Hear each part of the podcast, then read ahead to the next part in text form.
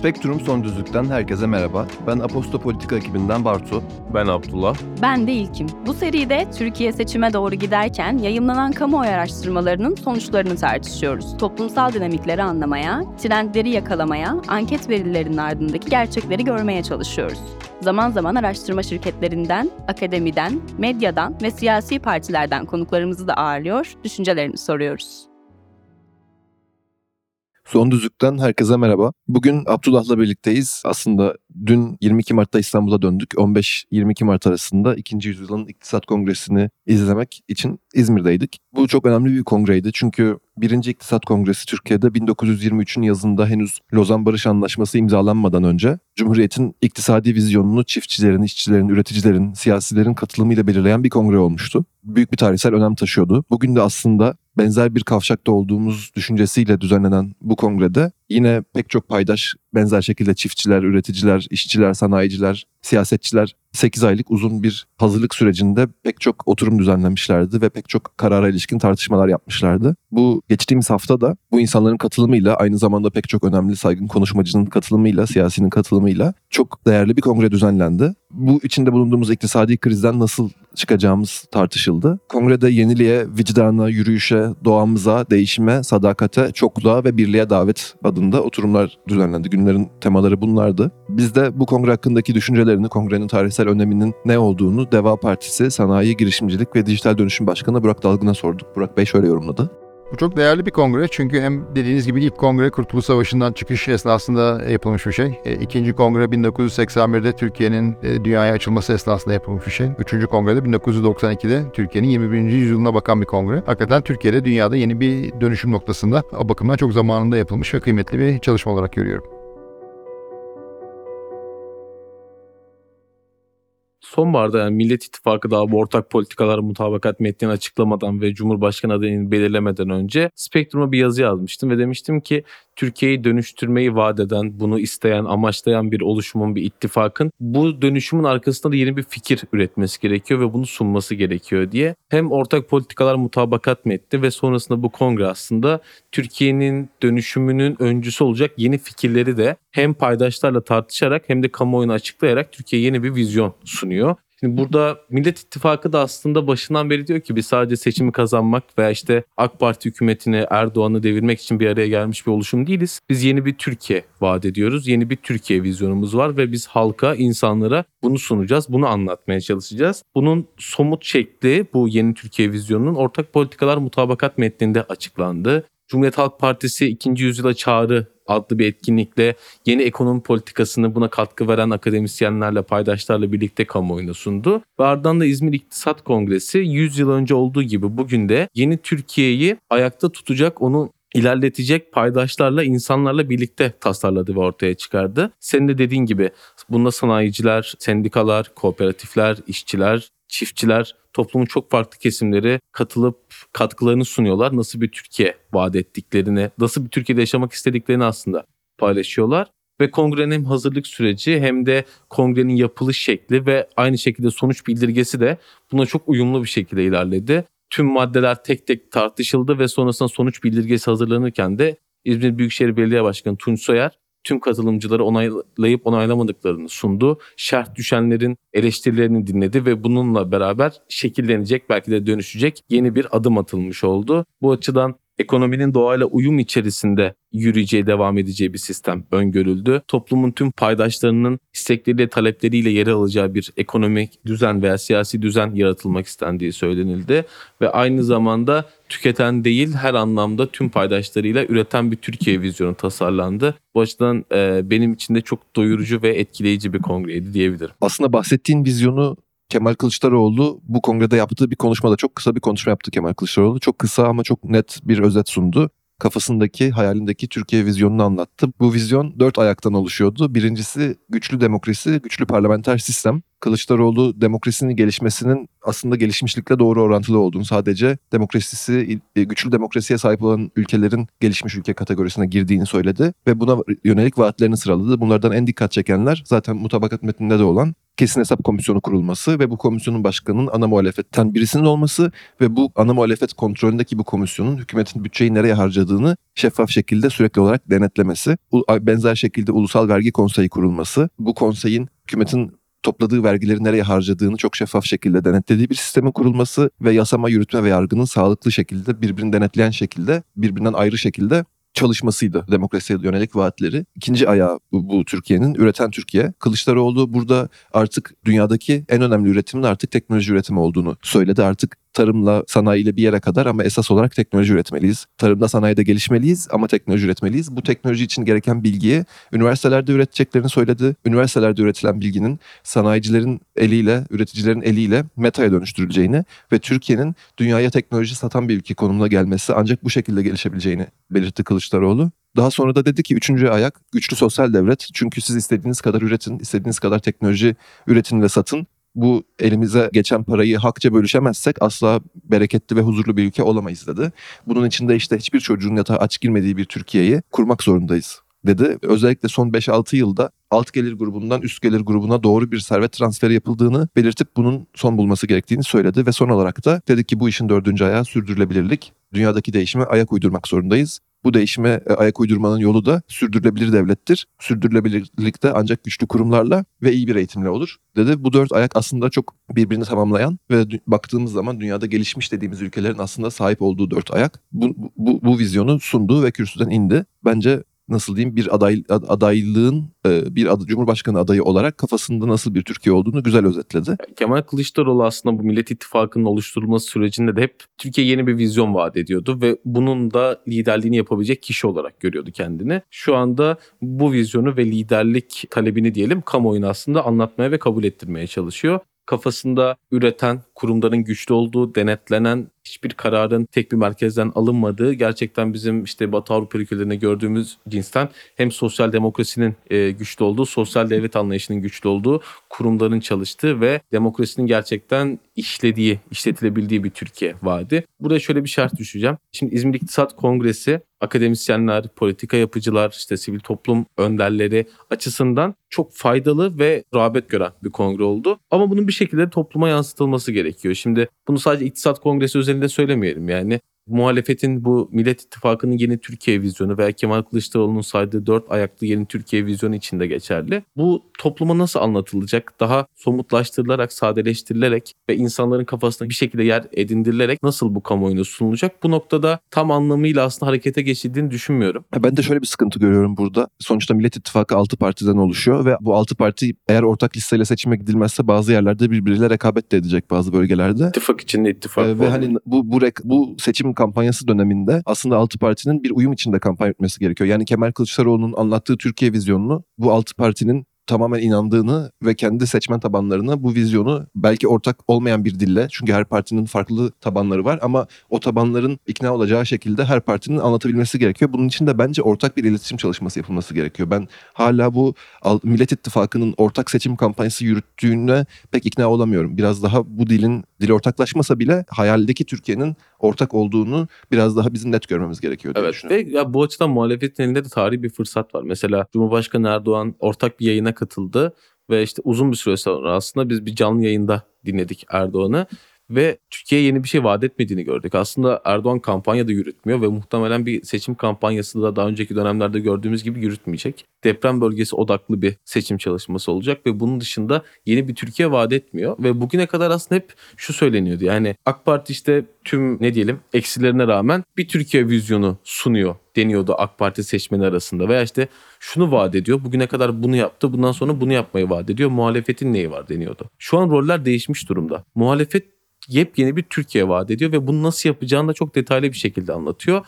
Buna rağmen hükümet tarafı artık yeni bir şey vaat edemiyor Türkiye'ye. Yani işte et fiyatlarını düşüreceğini veya işte et ve balık kurumundan şu fiyatta et alınacak deniyor Cumhurbaşkanı bir nevi seçim vaadi olarak. Roller çok fazla değişmiş durumda. Bu muhalefet için bir fırsat. Ama bunu senin de dediğin gibi ortak bir ağızdan sadeleştirerek, sadeleştirerek ve sürekli tekrarlayarak seçmenin kafasında evet Millet İttifakı Türkiye yeni bir şey vaat ediyor. Bunu da şu şekilde yapacak algısını oluşturması gerekiyor. Aslında çok önemli bir şey değindin sen. Depremin yarattığı ekonomik hasarın tamir edilmesi gerekiyor. Bunun nasıl yapılacağını İyi Parti Kalkınma Politikaları Başkanı Ümit Özdağ'la sorduk. Çünkü Ümit Bey Millet İttifakı'nın deprem komisyonunda İyi Parti'nin temsilcisi. Ümit Bey sorumuzu şöyle cevapladı.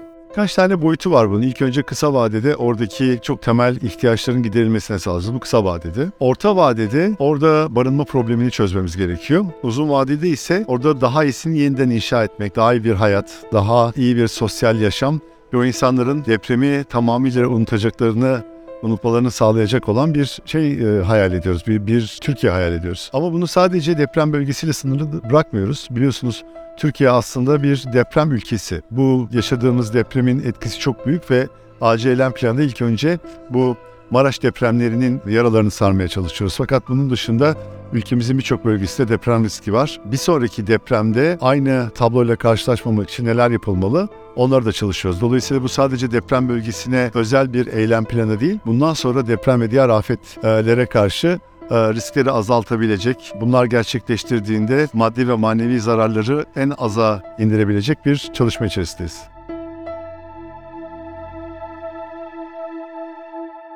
deprem bölgesinin yeniden nasıl ayağa kaldırılacağı, konutları nasıl inşa edileceği, vatandaşa ücretli mi ücretsiz mi sunulacağı, bölgede istihdamın, kültürel dokunun nasıl korunacağı aslında bu seçimin de en önemli meselesi olacak. Ve şu an hem siyasetin hem de kamuoyunun da en önemli gündem maddesi bu olması gerekiyor. Ve dediğimiz gibi iktidar aslında buna odaklı bir seçim stratejisi yürütüyor şu an. Nasıl yapılacağını asla söylemiyor ama biz bu konutları vatandaşa vereceğiz diyor. Millet İttifakı da bunun karşısında özellikle Kemal Kılıçdaroğlu biz bu konutları ücretsiz vereceğiz deniliyor. Şu an Ümit Bey'in de söylediği gibi komisyon çalışmalara başlamış durumda. Ama umarım bu kağıt üzerinde sadece vaatlerin sıralandığı veya işte daha teknik bir dille yazılmış bir rapor olarak kalmaz. Bunun seçime kadar sürekli olarak deprem bölgesinde anlatılması gerekiyor. İktidarın açık bıraktığı noktaların doldurulması ve vatandaşta bu bölgeyi ayağa kaldırırsa muhalefet kaldırır ve bu enkazın sorumluları artık işte hükümetten çekilmelidir. Bize yeni bir vizyon, yeni bir vaat lazım. Algısının oluşması gerekiyor. Ve dediğin gibi aslında bizim deprem bölgesinin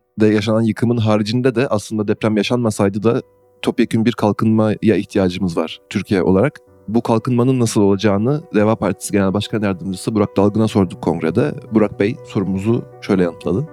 Önce niye böyle bir ihtiyaç var ona bakalım. Çünkü Türkiye orta uzun vadeli baktığımızda pek bir yere gidemiyor. Dünya ile rakipleriyle mukayese ettiğimizde 30 yıl, 40 yıl, bazen 50 yıllık süreçlerle baktığımızda dünya ekonomisindeki payımız aynı. Rakiplere göre aynıyız veyahut da daha geriye gidiyoruz. Yani hakikaten bir vasatlık patinajından çıkamıyoruz. O yüzden de yepyeni bir şeye ihtiyacımız var. Bu yeniyi de ben 3 tane başlık altında temellendirmeye çalıştım. Bir tanesi vizyon, diğeri irade, üçüncüsü de icraat. Yani vizyon dünyadaki yeni meydan okumalara nasıl bakıyorsunuz? E, güzel bir Çin atasözü var. E, rüzgar esmeye başladığında bazıları duvar örer, bazıları yer derimini inşa eder diye. E, hangi açıdan bakıyorsunuz dünyadaki değişimlere? Bu vizyon kısmı. İkincisi irade kısmı. Bu vizyonu bir hayata geçirmeniz lazım bir iradeyle. E, o iradede de üç tane kavramı yeniden tanımlamak gerektiğini düşünüyorum. Bir tanesi devlet, bir tanesi kamusallık, bir tanesi de siyaset. Bu üç kavrama yepyeni bir bakış açısıyla yaklaşmamız lazım ki yeni döneme uygun bir irade ortaya koyabilelim. E, üçüncüsü de icraatçılık. E, yani çok güzel laflar her zaman söyleniyor. Temin, temenniler, tespitler bunlar hep da e, bu patinajdan çıkamıyoruz. Demek ki bizim dört alanda hakikaten e, bir icraatçı perspektifte kolları sıvamamız lazım. Bir tanesi onarım yani restorasyon, yani kurumlarımızı tekrar tesis etmek. İkincisi entegrasyon. Türkiye'yi hem toplum kesimlerinin birbiriyle hem dünya ile entegre etmemiz lazım. Üçüncüsü mobilizasyon yani seferberlik sizin de bahsettiğiniz gibi. Gençleri, kadınları, ülkenin her tarafını bir hakikaten bir ayağa kaldırmamız lazım. E, dördüncüsü transformasyon yani dönüşüm hem ekonominin hem teknolojik kapasitenin dönüşümüyle Türkiye'yi yarınlara doğru taşımak. Ben Burak Bey'in söylediklerine aslında bu topyekun seferberlik anlamında katılıyorum. Bu kalkınma da herkese rol düşecek. Herkesin daha fazla üretmesi gerekiyor. Herkesin bir işin ucundan tutup bu ülkeyi tekrar iktisadi krizin içerisinden çıkartması gerekiyor ve siyasetçilerin de yani Millet İttifakı'nın da vadi olan parlamenter sisteme geçişi sağlayarak eş zamanlı şekilde ülkedeki siyasi krizi de sistem krizini de çözebilmesi gerekiyor. Ben bunun başarılabilir bir hedef olduğunu düşünüyorum. Ama bütün bunları yaparken aslında devletin ekonomideki rolünün ne olacağı da bir tartışma konusu. Çünkü neoliberal sistem dünyada bir, bir krize girdi ve bunu herkes kabul ediyor. Ama devletin ekonomideki rolü çok ön plana çıktıkça özel sektörü belki de baskılama ve fazla plan yaparak aslında o planların sonuçların yani o planlardan verim alamama tehlikesi de var. Yani özel sektörle devlet arasındaki ilişkinin nasıl olacağı, devletin ekonomideki rolünün tam olarak ne olacağı aslında çok önemli konular. Bunun e, cevabını yine Sayın Özderli'ye sorduk İyi Parti'den. Özderli buna şöyle bir cevap verdi. Türkiye'deki devlet oldukça hantal. Bu harcamalardan ya da vergilerden farklı olarak devlet toplumun değişen ihtiyaçlarını adreslemede biraz hantal davranıyor. İlk önce daha çevik bir devlet anlayışı hedefliyoruz. Bunun dışında doğru harcamaları yapıp vergiyi tabana yayacak ve vergi oranlarının iş dünyasının yatırımlarını azaltmayacağı ya da işte olumsuz etkilemeyeceği bir vergi sisteminden bahsediyoruz. Bununla beraber tabii vergiyi tabana yaymak aynı zamanda kayıt dışı ekonomiyle, kayıt dışı ekonomiyle mücadele demek. Kayıt dışı ekonomiyle de mücadeleyi çok ciddi anlamda önemsiyoruz. Politika neoliberal ya da kamucu bir politika olarak değerlendirilemez. İki tanesi de değil aslında. Müvettin tamamına baktığınız zaman toplumun değişen ihtiyaçlarını adresleyen ve devletin bu konudaki harcamalarını kısıtlamayan bir anlayış var. Bu ama şu anlama gelmiyor. İş dünyasının yatırımlarını törpüleyen bir kalkınma anlayışı anlamına gelmiyor. Siz eğitime daha fazla kaynak ayırdığınız zaman, ulaştırma altyapıya daha fazla kaynak ayırdığınız zaman kamucu bir devlet olmuyorsunuz. Çünkü bu sizin özel sektörün yatırımlarını ya da ihtiyacı olduğu insan kaynağını sağlamada size çok daha geniş bir alan bırakıyor. Şimdi İzmir İktisat Kongresi'nin böyle temel tartışma alanlarından biri de buydu aslında. Türkiye'ye nasıl bir kalkınma modeli lazım ve bu konuda çok fazla kişi farklı görüşler savundular. Mesela CHP Genel Sekreteri e, Selin Sayak Böke devletin daha ön planda olduğu, daha düzenleyici, işte plan yapan ve bu kalkınma planı çerçevesinde özel sektörün işte adil rekabet edebileceği bir piyasa düzeni yaratan bir anlayış savunuyordu. Bu daha çok bizim işte o İskandinav modeli dediğimiz devletin hem planlamayı yaptığı ve özel sektörün bu hedefler doğrultusunda adil rekabet edebileceği piyasayı yarattığı sistem. Mesela bunun karşısında İyi Parti daha nasıl diyelim özel sektörün inisiyatif aldığı aslında bir model savunuyor. Sayın Özdağ'le de Türkiye'de devlet yapısının hantal olduğuna dair bir açıklaması var ve bize çevik bir devlet lazım deniyor. Bu konuda aslında Millet İttifakı içerisindeki partiler de farklı görüşler savunuyorlar. Hani devletin rolü tam olarak ne olacak diye. Ve bu farklılıkları da bir noktada işte ortak politikalar mutabakat metni potası altında eritiyorlar. Yani o iç tartışmaları kamuoyuna yansıtmayıp veya fikir tartışmalarını diyelim ortak metin üzerinden hareket ediyorlar. Ve bu muhtemelen bu görüş farklılığı seçimde veya işte seçimden sonra da devam ediyor olacak Millet İttifakı içerisinde. Ama bunun ortak bir mutabakat zemininde ele alınması da çok faydalı diye düşünüyorum. Ya zaten ben de geçenlerde bir yazı yazmıştım. Millet İttifakı siyasetin merkezi olma potansiyeli taşıyor diye aslında bu altı parti sonuç olarak eğer bu Millet İttifakı misyonunu tamamlayabilirse tam olarak hedeflediği gibi parlamenter sisteme geçilecek, ekonomide düzeltmeler yapılacak ve aslında bu altı parti birbiriyle rekabet eden partiler haline dönüşecek. Bu sonuçta bu partiler biz sonsuza kadar birlikteyiz demiyorlar. Bir kader birliği içindeyiz demiyorlar. Sadece hedefimiz aynı Türkiye'nin demokratikleşmesi ve kalkınması gerek. Bunun için de düşüncelerimizi ortaklaştırıyoruz diyorlar ve bir mutabakat metni hazırladılar zaten söylediğin gibi. Bu metin de iki yıl içinde enflasyonun tek haneye düşürüleceği vaadi var. İşte ekonominin iktisadi krizden çıkabilmemiz için güçlü kurumlara ihtiyacımız olduğu, özellikle Merkez Bankası'nın bağımsızlığının çok önemli olduğu vurgulanıyor. Türkiye'nin yönetiminde bütün kurumlarda liyakat esasının geri gelmesi gerektiği vurgulanıyor. Biz enflasyonun nasıl düşürüleceğine dair Deva Partisi Ekonomi ve Finans Politikaları Başkanı İbrahim Çanakçı'ya sorular sorduk. Sayın Çanakçı zaten bu mutabakat metninin lansmanında bu sunumu yapmıştı. Bizim sorularımızı şöyle cevapladı. Bizim mutabakat metninde enflasyona ilişkin vaadimiz iki sene içinde yani ikinci yılın sonunda enflasyonu tek haneye indirmek yönünde. Tabii enflasyon dünyanın her yerinde öncelikle merkez bankalarının birincil görevi enflasyonla mücadele ve fiyat istikrarını sağlamak. Tabii bizim ilk yapacağımız iş zaten Merkez Bankası'nın bağımsızlığını teminat altına almak ve Merkez Bankası'nın fiyat ve finansal istikrarı sağlamanın dışında herhangi bir e, yükümlülük yüklememek şeklinde olacak. Tabii Merkez Bankası'nın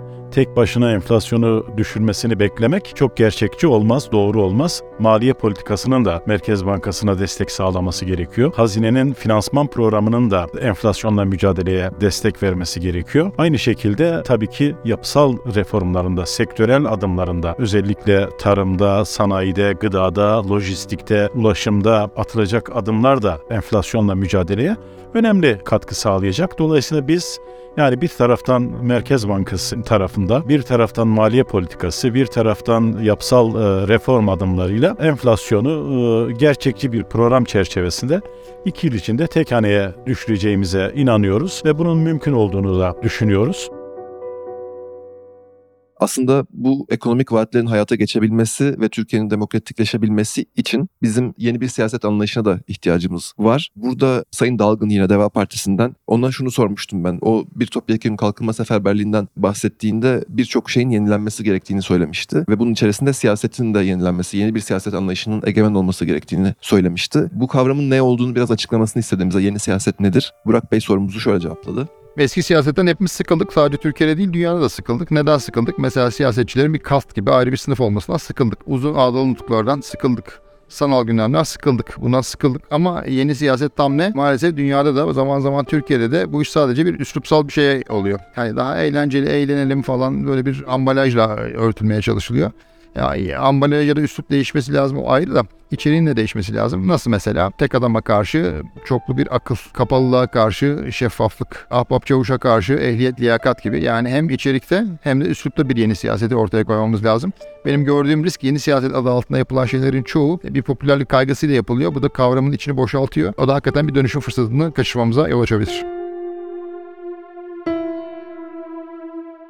Bu yeni siyaset anlayışının egemen olması için de yeni siyaseti temsil eden en azından görece e, Cumhur İttifakı'na göre daha yeni bir siyaset anlayışını temsil eden Millet İttifakı'nın meclis çoğunluğunu kazanması da çok önemli. Meclis çoğunluğunun kazanılması için de bugün sahip olduğumuz seçim sisteminde ortak liste çok büyük bir önem taşıyor. Çünkü eğer muhalefet ortak listeyle seçime girmezse Cumhur İttifakı muhtemelen anladığımız kadarıyla e, ortak listeyle hareket edecek pek çok ilde ve seçim sisteminden dolayı muhalefetin oyları kendi arasında bölünürse çoğunluğun yine Cumhur İttifakı'nda kalma olasılığı var. Eğer ve Millet İttifakı Sayın Kılıçdaroğlu Cumhurbaşkanı olsa bile meclis çoğunluğu Cumhur İttifakı'nda olursa o zaman Türkiye'yi zor günler bekliyor olabilir diye düşünüyorum. Ve bu meclis çoğunluğunun nasıl sağlanabileceğine dair sorularımızı da ve ortak liste çalışmalarının nasıl gittiğini de yine Sayın Çanakçı'ya sorduk. Çanakçı sorularımızı şöyle yanıtladı. Partiler tabii ki e, kendi aralarında seçim işbirliği diyoruz biz buna. Ortak liste veya seçim işbirliği diyoruz. Ortak liste tabii ikili bazlı olabilir, üçlü bazlı olabilir, altılı bazlı olabilir.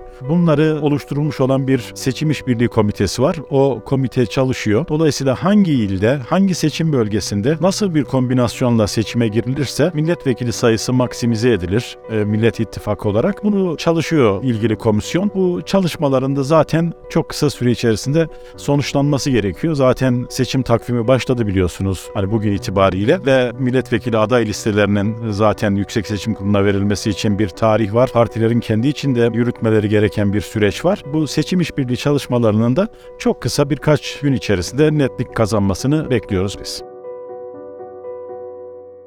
Son olarak da İyi Parti Ekonomi Politikaları Başkanı Profesör Doktor Bilge Yılmaz'la yaptığımız röportajdan birkaç kesit verelim diyorum. Kendisiyle hem kongreye dair izlenimlerini hem de Türkiye'nin nasıl bir ekonomi politikası, muhalefetin kazanması halinde nasıl bir ekonomi politikası izleyeceğini konuşmuştuk. Ve bence en çarpıcı demeçlerden biri şuydu. Biz kendi reçetemizi kendimiz yazacağız. Yani bu şu işte Millet İttifakı kazanırsa IMF'e gidilecek tartışmalarını da bitiren bir söylem oldu aslında bu. Bilge Yılmaz biz Türkiye'yi bu krizden çıkartacak yol haritasını yaratacak insan sermayesine, beşeri sermayeye sahibiz ve bunu biz yapacağız dedi. Bunun çok önemli olduğunu düşünüyorum. İkincisi ekonominin yönetimine getirilmesi halinde tüm kadroların şimdiden hazır olduğunu aslında kimlerin hangi pozisyonda görev alacağını, kimin hangi kurumda yer alacağını belirlediklerini söyledi ve biz her an her görevi alabilecekmiş gibi yapabilecekmiş gibi hazırlık yapıyoruz dedi. Ve son olarak da görev verilmesi halinde tabii ki ekonominin yönetimine de talibim kadrolarımız hazır açıklaması yaptı. Bunların da çok önemli olduğunu düşünüyorum. Dilerseniz Spotify'da Spektrum'un podcast kanalından bu söyleşiye röportaja da ulaşabilirsiniz. Kapatmadan önce şunu da hatırlatalım. Ee, kongrede yine dünyaca ünlü siyaset bilimci Profesör Doktor Francis Fukuyama ile Almanya'nın eski Dışişleri Bakanı Joschka Fischer'la ve dünyaca ünlü çevre aktivisti Vandana Shiva ile röportajlar yaptık. Bu röportajları da hem yazılı olarak Aposto web sitesinden okuyabilir hem de podcast kanalımızdan dinleyebilirsiniz. Son düzlükten bu haftalık bu kadar. Önümüzdeki bölümde görüşmek dileğiyle.